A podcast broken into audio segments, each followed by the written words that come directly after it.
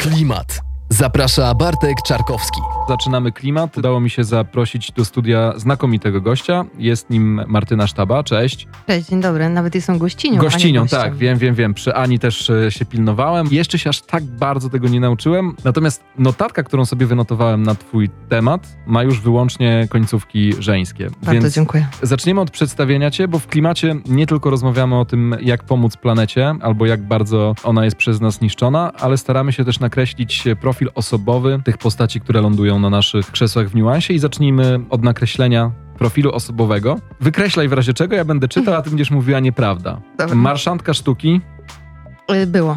wydawczyni, Wydarzyło się. prezeska, O Boże, to brzmi strasznie. No, Zawodu ale- jestem prezeską. Y, y, No, Często. ale była, byłaś, no więc Mhm. używamy jeszcze żeńskiej końcówki, więc prezeska, kuratorka, Tak jest. redaktorka, Oczywiście. dziennikarka, Zawsze. rzeczniczka prasowa. To jest trzy lata. Teraz nawet nie wiem, czy istnieje takie słowo, ale spróbujmy. Gastronomka, Restauratorka. restauratorka. To jest, To jest e, dwa lata w Łodzi. Tak e, jest. ładniejsze i podcasterka. Cały czas, tak. Czyli wszystko się, wszystko się zgadza, niczego z tej listy nie musimy wykreślić. Martyna, jak można e, z bycia osobą bardzo silnie związana ze środowiskiem e, kultury. I to no, częściowo takiej niezależnej, nie chcę używać słowa undergroundowej, ale na pewno niezależnej, wylądować w tym miejscu, w którym jesteś dzisiaj i co będzie także dużą częścią naszego, e, e, naszej rozmowy, czyli jesteś CEO, już tutaj będziemy używać e, angielskiego zwrotu, firmy, która e, no, ma za zadanie ratować planetę przed pozostawianiem śladu węglowego w środowisku mm, recyklingu opon. Wgłębimy się to, w to za moment. Na razie spróbujmy prześledzić tę drogę ostatniej dekady, może nawet trochę, e, trochę dalej, od bycia w zupełnie innym miejscu do bycia w zupełnie innym miejscu. Wiesz co, ta droga z tego tak naprawdę nie jest... Ona faktycznie ma parę momentów zwrotnych, ale zawsze z tego w tej drodze mm, była taka jedna rzecz, taki wspólny mianownik. Tak naprawdę obojętnie co robiłam, no może poza restauracją tak naprawdę, zawsze był jakiś taki czynnik dodany, czyli jakby na przykład jak prowadziłam wydawnictwo, czy współprowadziłam wydawnictwo, no to ono miało jakąś bardzo konkretną misję. To były na przykład pierwsze książki e, o aborcji, e, książki, które jakby opowiadały homoseksualną historię e, Polaków. To były książki, które jakby mówiły bardzo mocno w ogóle herstory. Pierwsze książki o tak mocno zarysowanym feminizmie. Ja tylko dodam, że byłaś wydawczynią w Haarcie w Mhm. E, latach 2007-2009, jeśli dobrze pamiętam. no I ale... wiesz co, jeszcze wcześniej nawet, chyba 2003-2005 i potem jeszcze kawałek. no. I to w Haarcie między innymi debiutowała moja koleżanka z korytarzy e, licealnych, czyli Sylwia Hutnik, na którą przychodząc do liceum patrzyłem jak na taką starszą koleżankę, e, robiła niesamowite wrażenie swoimi strojami i kolorowymi włosami, a potem okazało się, że to fantastyczna pisarka, która właśnie debiutowała u ciebie w wydawnictwie. To była w ogóle ładna historia, bo Sylwia e, faktycznie debiutowała u nas kierunkowym atlasem kobiet i wysłała do nas, tak jak każda inna osoba, e, propozycję redakcyjną. I otworzyłam tę kopertę i zobaczyłam tam właśnie parę kartek, z czego jakby pierwsze były w ogóle poplamione masłem czy jakimś tłuszczem. I przeczytałam jedną stronę, przysięgam ci, jedną stronę i wykręciłam numer i powiedziałam, stara, to jest wybitne, totalnie to wydajemy. Dzwoniłam się jeszcze z drugą redaktorką, która zrobiła dokładnie to samo w tym samym czasie i stwierdziłyśmy, no jakby bez jaj, ona jest po prostu wybitna. I tak poszło. Więc to w ogóle taka ładna historia na początek. Ale masz takie poczucie, że odkryłyście Sylwię Hutnik, czy myślisz, że gdyby jej e, książka trafiła na w biurko innego wydawcy w innym wydawnictwie, to i tak by się Sylwii udało? Na pewno by jej się udało. Na bank. Nie wiesz, jakby tutaj nie ma sobie co przypisywać. Ona jest wspaniałą pisarką i świetną osobą, była bardzo zdeterminowana. Tak naprawdę myśmy miały farta, y, że ja zadzwoniłam pierwsza, bo tak naprawdę jakby po mnie dzwonili inni. Miewałaś tak, że odkładałaś listy na kubkę i sobie myślałaś, dobrze, otworzę kiedy indziej.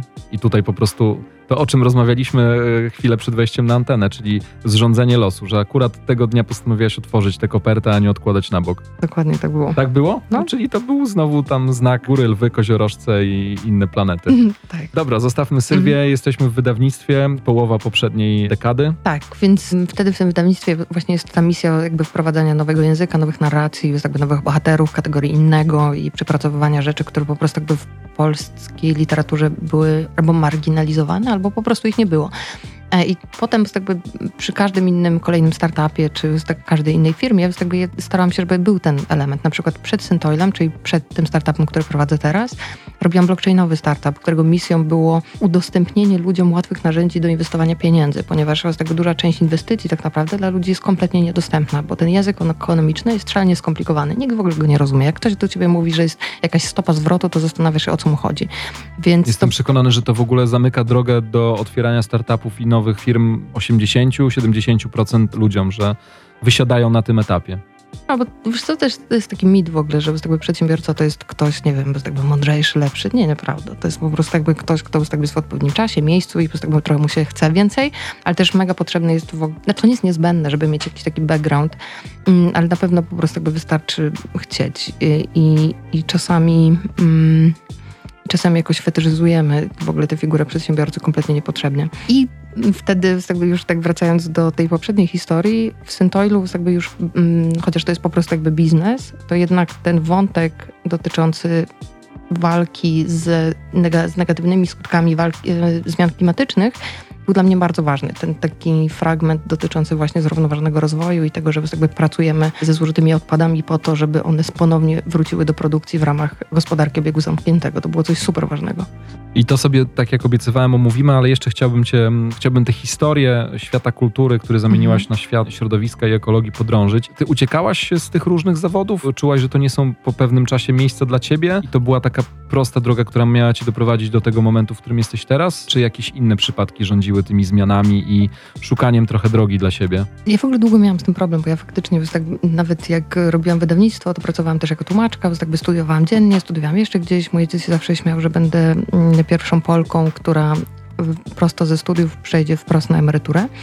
E, I zawsze po prostu jakby robiłam dużo rzeczy, ale zawsze wydawało mi się, że to jest problem. Jakby na tyle duży, że trafiłam kiedyś w ogóle na taką sesję coachingową do Jacka Santorskiego, takiego wybitnego psychologa biznesu. No i właśnie mówię mu, jakby, panie doktorze, tutaj mam właśnie taki problem, że po prostu jakby robię bardzo dużo rzeczy e, i wydaje mi się, że to po prostu mnie osłabia. I on powiedział, Martyna, chyba oszalałaś. To znaczy jakby rzecz, którą ty myślisz, że cię osłabia, jest twoją największą wartością, bo to, że masz tyle doświadczeń, sprawia, że po pierwsze masz dużo szerszy network niż ludzie, jakby normalnie, którzy są w jednej dziedzinie, bo możesz zadzwonić do każdego obojętnie, czy chcesz zrobić film, czy chcesz jakby otworzyć biznes, a może jakby chcesz restaurację, a może trzeci sektor, a może chcesz wydać książkę, może chcesz pracować w ministerstwie jakimś i po prostu jakby potrzebujesz, żeby ktoś ci jakby wskazał taką ścieżkę.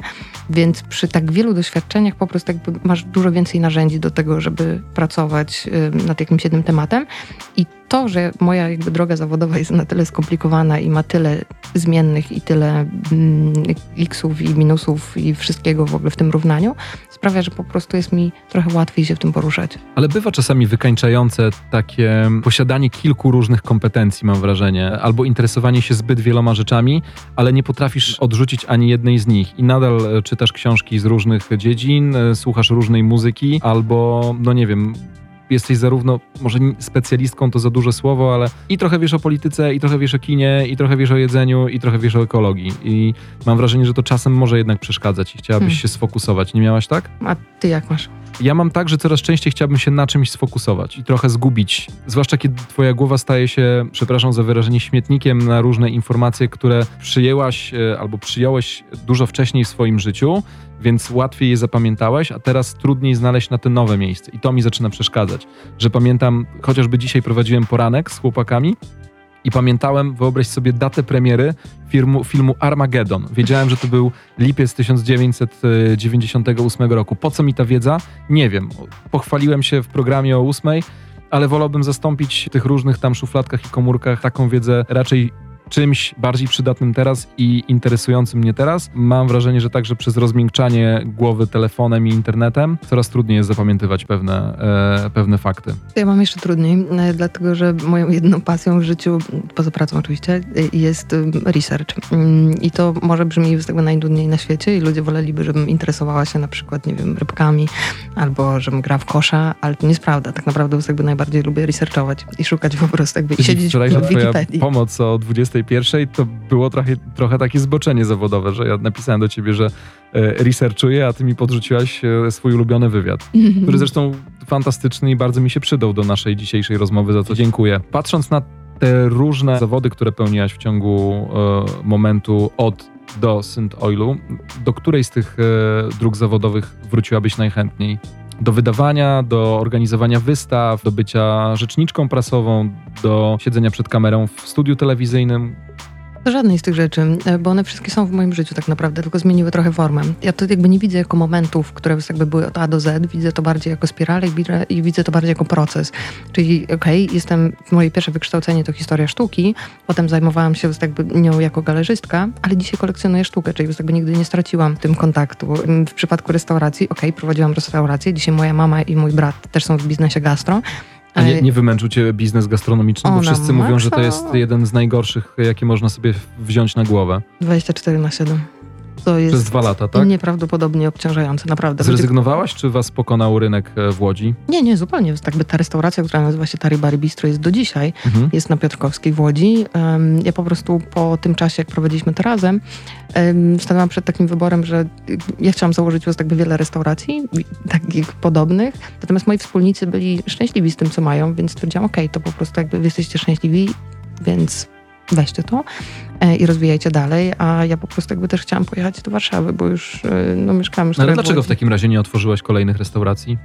Wiesz co, bo sama ja w ogóle nie lubię pracować sama, ja lubię pracować w teamie, w stadzie. Chciałam tego robić sama, nie chciałam też szukać innych wspólników, ponieważ z moimi wspólnikami się przyjaźniliśmy i byliśmy ze sobą bardzo blisko i mm, ja też dosyć blisko w ogóle wchodzę w relacje z ludźmi, z którymi pracuję. I wtedy nie było takiej potrzeby. Poza tym też byłam trochę zmęczona. No wiesz, jakby gastro jednak dodało mi trochę siwych włosów. czyli do tego też byś na pewno nie, nie, nie, nie chciała wracać. No, wiesz, dużo jem i kocham jedzenie, więc y, cały czas jestem jakoś w tym. Gastronomia jest biznesem, w którym trzeba pomóc ekologii. Na maksa. No, rezygnacja z mięsa jakby na pewno, przejście jakby na różne roślinne alternatywy, ale też to, żeby powoli odchodzić od alkoholu, który jest szalenie, umówmy się, wszyscy lubimy alkohol, ale on... No, wszyscy jak wszyscy. Okej, okay, okej, okay. ja lubię. Yy, I, ale z drugiej strony... A nie chcę znam... też tu wyjść na jakiegoś straight, straight edge'a, no ale dałbym sobie radę bez. Okej, okay, wszyscy pewnie byśmy sobie dali radę bez, e, ale przyjemnie jest z. I teraz jakby jest w ogóle taka cała dziedzina w ogóle jakby biznesu, który jest jakoś blisko w ogóle żywności, takiego agritechu, czyli jakby tych wszystkich rolniczych rzeczy, gdzie szukamy alternatyw dla alkoholu, który się jakieś maksymalne spustoszenie w ogóle w naszych organizmach i jest przyczyną w ogóle wielu chorób, oprócz tego, że kurczę, była taka świetna książka teraz, e, czy psychodeliki uratują świat e, i były tam jakby różne narkotyki, które jakby były ułożone w taki sposób od najbardziej szkodliwych do najmniej szkodliwych. I to, co mnie zaskoczyło, to było to, że w tych używkach najbardziej szkodliwe były w ogóle nie heroina, jak się wydaje, tylko alkohol i papierosy. To znaczy, gdyby alkohol został wymyślony dzisiaj, to prawdopodobnie nigdy byłby nie zakazany. Został, byłby zakazany. E, I to mnie w ogóle na maksa zaskoczyło, więc jakby rozumiem w ogóle, dlaczego w ogóle cały przemysł foodowy idzie w ogóle w tym kierunku i już powoli po prostu jakby i to, że jakby na przykład sektor... Przemysł foodowy idzie w kierunku e, elimi alkoholu? eliminowania alkoholu, tak? Zamiany. E, jakby chodzi o to, żeby znaleźć substancję, która działa dokładnie tak samo. Jakby sprawia, że jesteś zrelaksowany, jest ci łatwiej rozmawiać z ludźmi, jest łatwiej może wypoczywasz i jesteś bardziej otwarty, ale jednocześnie jakby nie zatruwa twojego organizmu, nie zatruwa twojej wątroby i jakby nie sprawia, że umrzesz na raka. E, I są już takie mm, w Stanach Zjednoczonych właśnie w jedną z gościń w naszym podcaście Muda Talks była Ella Madde, inwestorka z Silicon Valley, która e, właśnie szuka takich rozwiązań i opowiadała nam właśnie o bezalkoholowym ginie, które działa tak jak alkoholowy gin, ale cię nie zabije. Więc wszystkie takie alternatywy, wiesz, ja też to w ogóle na maksa śledzę. Mam nadzieję, że jakby też za parę lat y, to już będzie powszechne, że to nie będzie taka nowinka, o której się mówi, tylko to będzie coś, co będzie dostępne dzisiaj będzie. Ale to myślisz, że czeka nas e, rewolucja na miarę zastępników mięsa pod postacią tych wszystkich Beyond Burgerów, które teraz wlatują osiedlowych sieci sklepowych? Absolutnie. To w ogóle, to jest świetny przykład w ogóle. To i jeszcze Impossible Meat dlatego że to są mm, dwa projekty, które w bardzo szybkim czasie zyskały bardzo dużo e, dofinansowania, przez co jakby ich produkt mógł się stać tańszy. Z drugiej strony jakby zyskały olbrzymią skalę, ponieważ weszły tam do Burger Kinga, do jakichś różnych jakby sieciowych restauracji e, i e, to, ten zastępnik mógł konkurować ceną z, z mięsem, a właściwie jakby, mm, wydaje mi się, że jak pamiętam, jak smakuje mięso, to tak smakuje mięso, jak właśnie te burgery roślinne. I to, że te rzeczy są dostępne, sprawia, że ludzie zaczynają ich używać. Oczywiście cena ma też super duże wrażenie. Yy, Boże, nie wrażenie tylko, wrażenie też. Naczyń. A kiedy ostatni raz y, spróbowałaś mięsa? Wiesz co, jakieś, jakoś tak na przełomie... Tylko proszę o szczerą odpowiedź. Przez Dobra. 6 lat się nie złamałaś ani razu. Nie, no pewnie, że się złamałam. Pewnie, że się złamałam. Dwa lata temu na mojej urodziny ognisko, kiełbaska. kiełbasę. Wiedziałem, że zjadłaś kiełbasę. Mogłem obstawiać w ciemno. To jest Totalnie. chyba najpopularniejsza forma łamania się przez wegetarian.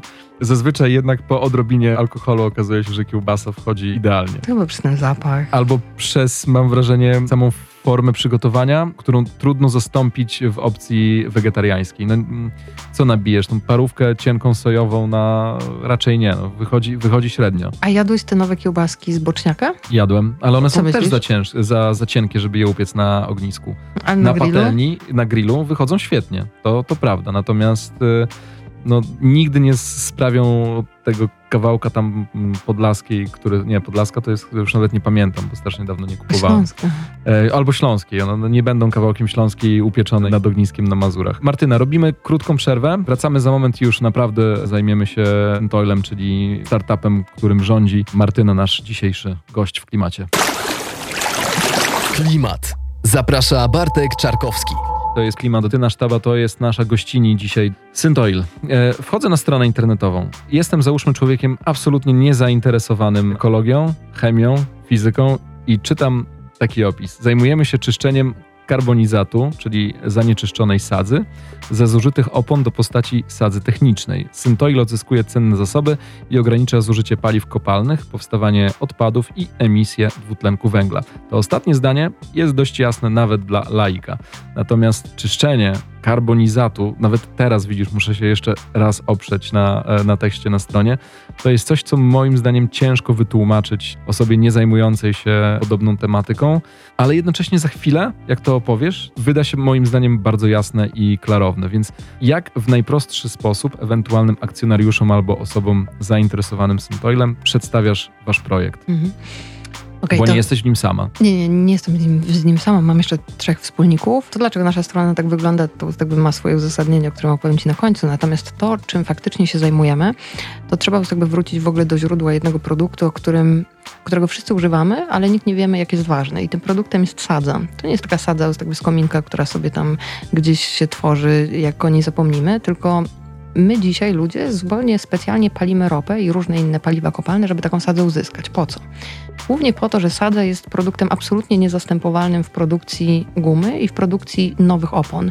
Na przykład opona, która nie miałaby sady, starłaby się już po 100 kilometrach. To jest nie- niesamowita informacja i to właśnie chciałbym włożyć do swojej głowy i zapamiętać na zawsze. Że sadza jest podstawą. Tak, sadza jest podstawą.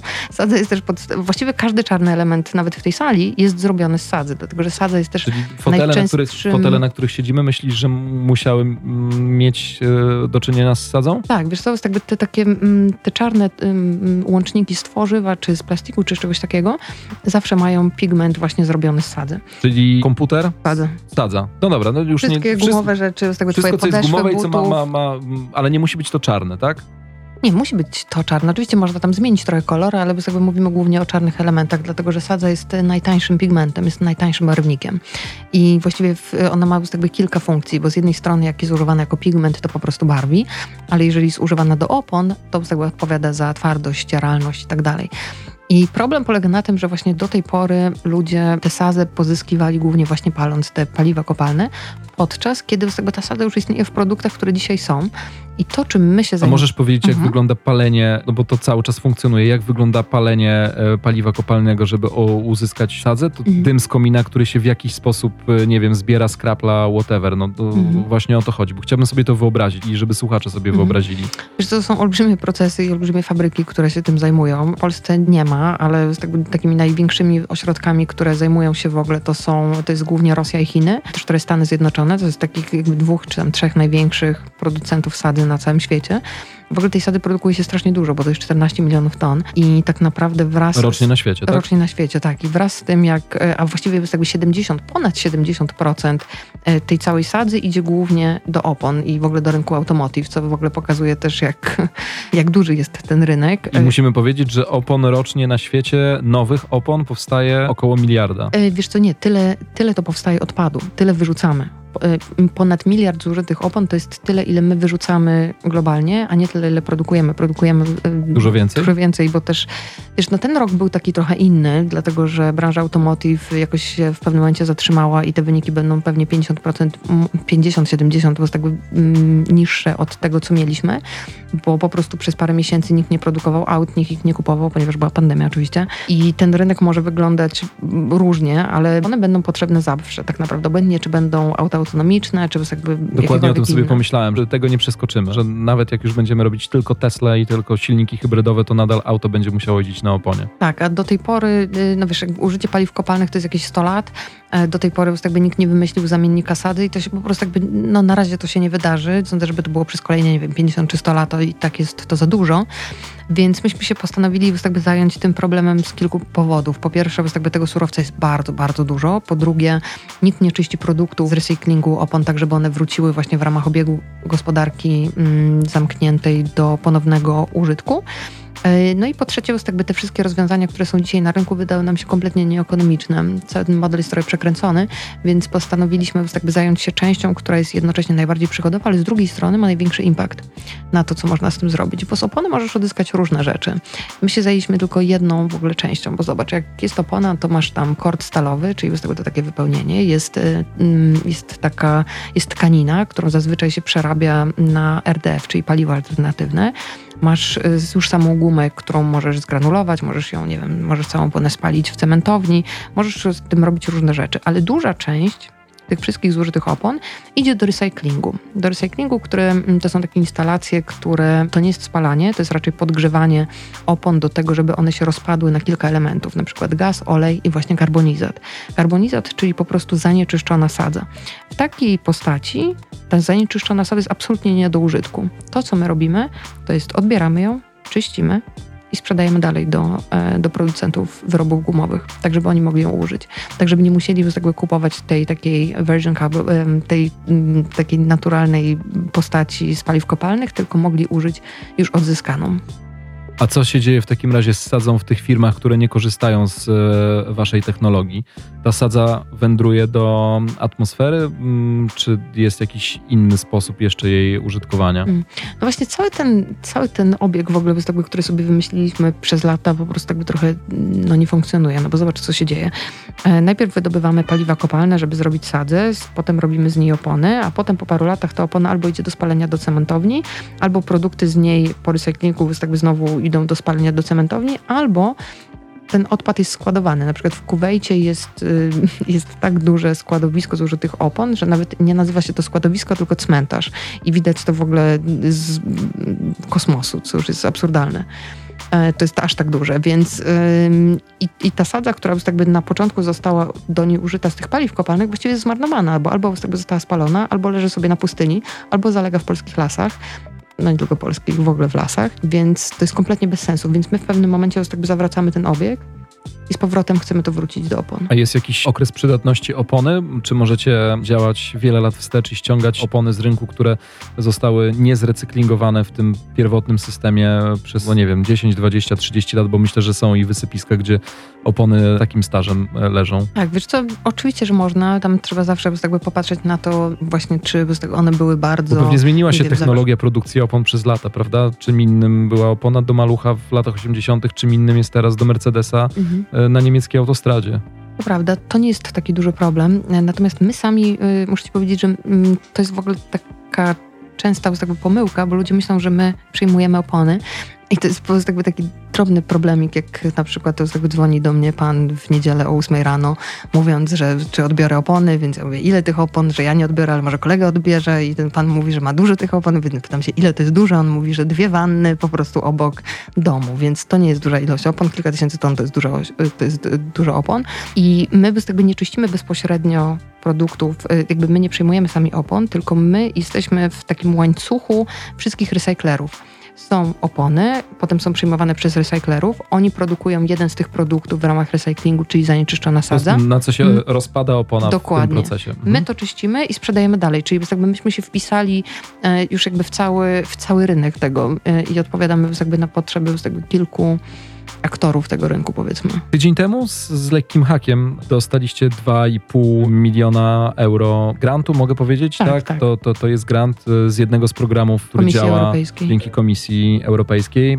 E, Z kolei, jeśli cofniemy się jeszcze o kilka tygodni, to dostaliście około 300 tysięcy dolarów w takim ogólnoświatowym konkursie na innowacje, które wpływają na poprawę świadomości, mam wrażenie, ekologicznej, a przede wszystkim na, na, na ekologię. Mało się nadal o was mówi, mam wrażenie. W sensie są artykuły, ale no, ja chciałbym usłyszeć o tym w e, głównym wydaniu jednego albo drugiego dziennika i zobaczyć z tobą rozmowę w e, faktach po faktach, bo wydaje mi się, że to są te rzeczy, które naprawdę powinny nas w 2020 roku interesować i z takich sukcesów powinniśmy się cieszyć, ale przy tych zwycięstwach także zadaję sobie pytanie, super, że ty, super, że ty ze wspólnikami, super, że z Polski, jest gdzieś podobny rynek działań w Europie? Czy mieliście naprawdę jeden No. pomysł na milion z waszą technologią, którą cały czas, jak rozumiem, też dopracowujecie? Tak, tak, tak, jasne, bo to jest jakby ciągły proces. Wiesz, dzisiaj zajmujemy się sadzą, ale w pewnym momencie chcemy też przejść na oleje, więc ten, taka roadmapa czy droga do różnych rozwiązań jest już jakoś zarysowana też na różne produkty, bo interesuje nas circular economy, czyli gospodarka obiegu zamkniętego w różnych obszarach, nie tylko tym jednym sadzowym, tylko wszystkie rzeczy związane z oponami. Wiesz co, konkurencja już jakby była olbrzymia, bo zgłosiło się ponad 2000 pomysłów i to są zazwyczaj naprawdę wybitne pomysły, absolutnie wybitne. I myśmy się znaleźli w gronie chyba 64, które faktycznie wygrały. Co ciekawe, w ogóle w Polsce jest jeszcze drugi zespół, który też dostał grant y, i to jest firma Uvera się nazywa. I dziewczyny z Łodzi robią filtr UV, taki filtr na słońce, tylko taki, który nie niszczy raw koralowej i taki, który nie wpływa negatywnie na środowisko, więc to też mega ciekawe, jeżeli uda się im to zrealizować i wdrożyć na szeroką skalę. I co ciekawe, z, jakby z tych 64 projektów 22 są prowadzone przez kobiety. I co ciekawe, te dwa z Polski, które wygrały, Też są dowodzone przez, prowadzone- kobo- przez kobiety. tak, w Polsce jakby też są te dwa prowadzone przez kobiety. Czy ja nie uważam, że to No. może nie tyle jest ciekawe, co to jest po prostu świetne i fantastyczne, bo ciekawe to wiesz, no takie zwyczajne, to jest po prostu super historia i mm, po raz kolejny udowadnia waszą przewagę, o, tak, bym Mm. po, tak, bym, tak bym to nazwał. Czy w środowisku startupów ekologicznych Mhm. jest konkurencja wyczuwalna? W Polsce czy na świecie? I tu, i tu, bo wydaje mi się, że walczycie o tak ważną sprawę, że generalnie trzeba się wspierać i zbijać piątki albo teraz e, żółwie, ale czy jest to także środowisko, które zaczyna ze sobą mocno rywalizować? Wiesz co, raczej nie. Raczej nie, bo tych projektów faktycznie jest jeszcze stosunkowo niedużo. Wiesz, jeszcze chwilę temu w ogóle nie było takiej kategorii jak startup impaktowy. Nikt nie myślał w ogóle o startupach pozytywnego wpływu. Nikt y, nawet nie sądził, że tego startupy w ogóle mogą mieć taki potencjał, żeby zacząć rozwiązywać problemy większe niż to, żeby aplikacja dowiozła ci jedzenie w mniej niż 15 minut. E, właściwie tego one się kojarzyły głównie z takimi rozwiązaniami, które nie mierzą się z rzeczami, które są dla nas kluczowe jako cywilizacja. Bo wiesz, z tego ja uważam, że kolejna aplikacja do czegoś nie przydłuży cywilizacji, ale z tego czysta woda i czyste powietrze już tak. I coraz więcej jest takich faktycznie startupów, takie, które też na przykład zajmują się jakby taką główną teraz dziedziną, taką najbardziej hot e, w tych startupach jest głównie wyłapywanie dwutlenku węgla e, z atmosfery i przeznaczanie go do czegoś innego. Widziałam już jakieś różne projekty, nawet dwutlenek wyłapywanego CO2, nie mam pojęcia jak oni to robią, ale jakby brzmiało to ciekawie. I ta konkurencja, wiesz co, znamy się, znaczy w Polsce jest niewiele tych startupów, więc to jest jasne, że wszyscy się znamy, natomiast na świecie jest ich coraz więcej. Głównie też A niewiele startupów impaktowych w Polsce to ile? Wiesz co, ostatnio ktoś mnie właśnie poprosił o kontakty i tak, że tak z palca to wymieniłam 10. Więc to jest No naprawdę to jakoś rzeczywiście nie, niewiele. jak myślisz o o popularności słowa startup. A z drugiej strony, wiesz, jakby byłam w jury konkursu Shivas Venture w zeszłym roku i zgłosiło się około 150, 200 Konkursu zespołów. dodam, którego laureatką zostałaś e, w tym roku. Tak, w- wiesz to było w 2019, ale tak i potem w globalnej części Amsterdamie zajęliśmy drugie miejsce. No więc wiesz, nawet jeżeli to jest setka czy dwie setki, to cały czas po prostu jakby jest mało. Jak sobie pomyślisz, ile tysięcy firm jest w ogóle w Polsce i ile ludzi jakby tutaj mieszka, czyli 37 milionów, no to to jest faktycznie niedużo. Ale to jest też trochę dlatego, że do tej pory nie było funduszy, dzięki którym takie pomysły mogłyby się rozwijać. Bo jak robisz startup, no to jakby czym jest w ogóle startup? No potrzebujesz tutaj dwóch rzeczy. Pierwsza to jest to, że musisz mieć, robić coś inaczej, z drugiej strony musisz e, mieć duży potencjał skalowalności. Musisz e, jakby dowieść tego, że w ciągu kilku lat jesteś w stanie być liderem na jakimś rynku. Do tego potrzebujesz pieniędzy. Nie zrobisz tego z jakby organicznym wzrostem. Więc w ogóle taka kategoria funduszy inwestycyjnych, które inwestują w ogóle w impaktowe rozwiązania, Wiesz, jeszcze jakby trzy lata tego, w ogóle tego nie było, nikt o tym nie mówił. To są ostatnie jakoś dwa lata, kiedy w ogóle też w ogóle cała narracja dotycząca zmian klimatycznych weszła do mainstreamowego języka, no to wtedy jakby faktycznie znalazły się podmioty, które stwierdziły, ok, po prostu jakby jeżeli możemy zarabiać pieniądze, a jednocześnie rozwiązywać problemy ważniejsze niż apka do jedzenia, no to może byśmy to zrobili. Ale mówi się, że pandemia i te ostatnie trzy miesiące, które nas jednych lepiej, drugich gorzej potraktowały, że to będzie tak, że takie sito dla baniek startupowych i te, które rzeczywiście nie są potrzebne, a utrzymywały się na powierzchni, znikną. I trochę z Twoich słów wnioskuję i gdzieś tam delikatnie lecąc po tym temacie, że właśnie mm, to będzie teraz czas wzrostu tych startupów impaktowych, jak ładnie powiedziałaś, czyli chociażby takich jak ten wasz. Trzeba za to trzymać kciuki, mam wrażenie.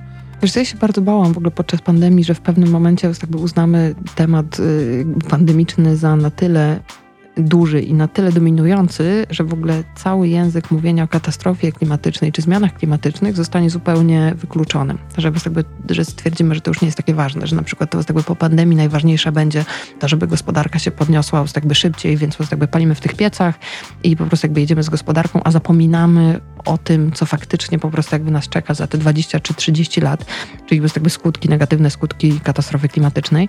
I dlatego tak się cieszę w ogóle też z tego grantu, który dostaliśmy, bo on został przyznany w ramach specjalnej edycji tego konkursu, który się nazywa Green Deal. Green Deal, czyli Nowy Zielony Ład, Ład Europejski. To jest zestaw regulacji, które mają sprawić, że po pierwsze Europa będzie neutralna, jeżeli chodzi o emisję dwutlenku węgla, to jest pewne większe położenie nacisku na gospodarkę obiegu zamkniętego, dlatego że dzisiaj tylko 9% całej światowej produkcji jest to oparta i to też jest ciekawe, bo jak mówię o tym normalnym ludziom, że z tego to jest 9%, co ludzie mówią, Boże, jak mało, ale jak mówię o tym przedsiębiorcom, to oni mówią, Boże, jak dużo, co po prostu pokazuje pewien rozdźwięk y, i jakby to, że to są jakieś dwa A nie jest tak, że jednak z roku na rok jest trochę więcej, że ta dziewiątka była dwa lata temu siódemką, a pięć lat temu trójką? Nie, to jest w ogóle, nie, właśnie niestety zupełnie to nie działa aż tak skokowo. Ale te regulacje, które teraz wchodzą, mają temu służyć. To jest też w ogóle niesamowite, że dopiero w 2020 roku reagujemy na coś, o czym wiedzieliśmy 30 lat temu, że nastąpi, no ale no, nie będziemy wskazywać winnego. Tam się wskaże. No nie, no to nie byłeś ty, no, ale to jest pokolenie naszych rodziców na pewno. Nie, no oczywiście, no, mówię, że sam się, sam się wskaże, ale nasze też trochę jeszcze nabroiło, ale mam wrażenie, że teraz najbardziej może pomóc. Tak, to prawda. Wiesz co, to i jakby to jeszcze jest jakby młodsze od nas, to, które chodzi na, na marsze klimatyczne, na strajki klimatyczne, które działa w młodzieżowym strajku klimatycznym. To jest w ogóle najkochańsze. I know. W ogóle szalenie mnie to też w ogóle wzrusza i strasznie kibicuję, bo tak jak się na przykład mówi zawsze, że to dzieci uratują świat, no to z tego to trochę brzmi jak banał, ale tak sobie myślę, że po pierwsze w nich jest siła, a po drugie na przykład widzę jak starsi przedsiębiorcy, takiego tam nie wiem, Solorz, Piechocki i tak dalej, tam kiedyś taki wywiad właśnie chyba z Piechockim albo z Solorzem, którzy mówili, że oni chcą wprowadzać te zielone regulacje u siebie wewnątrz firm, dlatego że wnuki nie chcą z nimi rozmawiać, że się ich wstydzą. I pomyślałam sobie, że jakby to chyba oznacza to, że dzieci uratują świat, że po prostu jakby dorośli... Absolutnie, to jest jedyne, czego możemy się tak naprawdę chwytać. To nasze dzieciaki i ich przyjaciele ze szkół albo podstawowych, albo liceów, bo gimnazja już e, wycięto. Klimat. Zaprasza Bartek Czarkowski. Gościni klimatu w Nuance Radio Martyna Sztaba, która a trudno zrobić ci to. Ma dzisiaj też urodziny, więc wszystkiego najlepszego. Najlepsze życzenia urodzinowe nie dla ciebie, tylko dla planety. To jakie by były? Dla planety i dla Polski, no. Tak, wiesz, tak górnolotnie już polecimy, no. No dobra, ale fajne pytanie. Wiesz co, to życzę sobie wolnego świata chyba wolnego świata, jakby od homofobii, antysemityzmu, rasizmu, wolnego świata mm, takiego, w którym różnorodność jest wartością, a nie problemem. Takiego, w którym myśli się 50 i 100 lat do przodu i 200 lat do przodu, a nie po prostu jakby od wyborów do wyborów. Marzy mi się świat, gdzie dziewczyny zdobywają, jako kobiece founderki, zdobywają takie samo finansowanie jak mężczyźni, bo dzisiaj kobiety zdobywają tylko 2,2% całego kapitału w ogóle VC, czyli, czyli funduszy inwestycyjnych. A, co jest ważne, to jest firmy prowadzone przez kobietę performują 40% lepiej niż firmy prowadzone przez mężczyzn. To znaczy, jakby one zarabiają 40% Jak przełożysz to na państwa, to okazuje się, że jest tak samo także na mapie politycznej. No i strasznie jest mi przykro, że po prostu jakoś tak to marginalizujemy. Więc tak, to są moje życzenia. To wiesz, co zrobimy? Mhm. Jak będę miał swoje urodziny w grudniu, to mhm. wykorzystam numer telefonu, który już do ciebie mam, zadzwonię i poproszę, żebyś złożyła mi dokładnie takie same, więc jak już będziemy mieli we dwójkę, to może coś się, coś się może wydarzy. Mam wrażenie, że ty jesteś szalenie zajętą osobą i myślisz biznesowo, co udowodniłaś też nam przed momentem w studiu. E, No może nie 24 na dobę, ale 12 na dobę. Jak znajdujesz czas na wszystkie swoje inne historie, które ogarniasz? A właściwie bardzo mało powiedzieliśmy o tym, że prowadzisz razem z Anią Piętą, która była gościem klimatu w pierwszym sezonie. Absolutnie fantastyczny i mój ulubiony podcast. I, nie słodzę ci dlatego, że tu siedzisz, tylko dlatego, że tak jest. Uważam, że wasze rozmowy w Muda Talks na Spotify'u albo na innych e, serwisach streamingowych to są jedne z najfajniejszych rozmów w ogóle w polskim eterze, a na pewno numer jeden, jeśli chodzi dla mnie osobiście o podcasty ekologiczne. Teraz trochę zwolniłyście, sądzę, że przede wszystkim dlatego, że Ania na czas pandemii została uwięziona w Azji. Uwięziona jak uwięziona, no, korzystała z życia we właściwy sposób, ale kiedy przygotowywałyście w miarę regularnie podcasty, to jak ty na to jeszcze znajdowałaś czas? W niedzielę to robiłam. Wiesz co? y, Tam ja- jest cholernie dużo merytorycznej wiedzy i te rozmowy są naprawdę przygotowane, tak no mocny research, o którym też mówiłaś. Co, my się tym w ogóle zajmujemy zawodowo obie, więc dla nas ten research nie jest jakby aż taki czasochłonny. Najbardziej czasochłonna była jakby produkcja tego, czyli jakby samo to, żeby to poskładać i wrzucić powrotem, ale research też. Odpowiedź na twoje pierwsze pytanie, czyli po prostu jakby jak to robię, to kurczę, wiesz co, rzadko kiedy się w ogóle ruszam z kanapem. Tak zupełnie serio. Bardzo mało podróżuję, praktycznie w ogóle. Tylko wtedy, jak naprawdę muszę i wolałabym nie. Ale z powodów ekologicznych, czy po prostu nie jara cię podróżowanie? Nie, nie jara mnie podróżowanie, ale jakby jeżeli jednocześnie spędzam, jakby spełniam też y, jakby dodatkowy cel, czyli właśnie jakby ograniczanie emisji, dla mnie super. Naprawdę jakby tego nie lubię i widzę, jakby też w ogóle w pandemii zauważyłam, ile czasu jakby traci się w ogóle na dojazdy w różne miejsca, więc dla mnie to, że życie przeniosło się na I Zooma, na spotkania, które można załatwić mailem albo Yes. telefonicznie. No, tak, tak, to no. też jeden z plusów e, pandemia. Przyjechałeś do nas na rowerze? Komunikacją, tramwajem. tramwajem. Było super. Naprawdę, bo dzisiaj jest piękny dzień. No, ale w tramwajach bywa gorąco w, w Warszawie i, i no, ale jak było super, to się cieszę. No ja wolę na razie rowerem. Do grudnia przynajmniej na rowerze. A w jakiej dzielnicy mieszkasz? Na Żoliborzu. No właśnie, widzisz, a ja mieszkam na Soskiej Kępie i przejazd przez most Poniatowskiego Tak, na przerąbana, rowerze przerąbana sprawa. To jest, y, wiesz, mo- mogło mi się udać, mogło mi się nie udać. Jak jadę na lunch do mojej radiowej koleżanki, czyli Basi do Vegan Ramen, to też nie lubię tego fragmentu przejazdu między centrum a Saską Kępą. Takie pytanie podchwytliwe. Wiesz, kto jest największym producentem opon na świecie? Nie myślę tutaj o państwie, tylko o firmie. No, prawdopodobnie znam wszystkich. Powiedzmy Michelin, Goodyear, Toyo, Bridgestone. Ale kto wiesz, że nie, nie, nie strzeliłaś. nie strzeliłam? Nie, największym największy? producentem opon na świecie jest firma Lego. Ha, ha, ha. I rozumiem, że tych opon nie da się naprawdę. No, najwięcej opon na świecie produkuje Lego do swoich zabawek, ale rozumiem, że to są po prostu gumowe opony, też z e, domieszką tej sadzy, Mm. ale nie recyklingowalne, prawda? Wiesz co, ja Musisz nie, nie zbadać temat. dzieci, ale to chyba chodzi po prostu o ilość, że na przykład... Tak, tak, oczywiście, Okej, że, okej, chodzi, O, okej. że chodzi o ilość, że no, samochodów w zestawach Lego jest dużo więcej rocznie produkowanych niż tych, którymi jeżdżą rodzice użytkowników klocków Lego. Bardzo jest to zabawne. Opowiem to dzisiaj moim wspólnikom. To jest, myślisz, ta sama opona? Nie, pewnie nie. Nie, nie, nie, nie, nie, na bank nie. Tam, wiesz, te opony w Lego pewnie nie muszą być wzmacniane kordem stalowym, a nie Bo trudno mieć... zrobić nimi 100 kilometrów i się popsuć. Martyna, ja bym z tobą rozmawiał już dwie godziny, co najmniej, ale kolejna audycja przed nami, więc ja zapraszam na listę przebojów. Tobie strasznie dziękuję za, za to, że znalazłaś czas w tej swojej zajętości na odwiedzenie Nuance Radio i na tę rozmowę. Życzenia już masz, przybijam te e, twoje. Baw się dzisiaj dobrze na imprezie urodzinowej, jeśli taką zaplanowałaś. A jutro będziesz pracowała, czy robisz sobie dzień wolnego? Jutro robię piknik w Skarżaku urodzinowy, więc Ale rozumiem, że weekendy to też są dni, w których pracujesz, nie. że nie w odpuszczasz. sobotę? Nie, w sobot nie W sobotę pracuję. nie, ale w niedzielę, ale, No ale w tak. niedzielę już tak. Martyna Sztaba była gościnią klimatu. Mimo wszystko zapraszam na stronę Syntoil, bo tam się można pewnie wielu fajnych rzeczy jeszcze cały czas dowiedzieć i sprawdzić artykuły, które media o was wrzucały.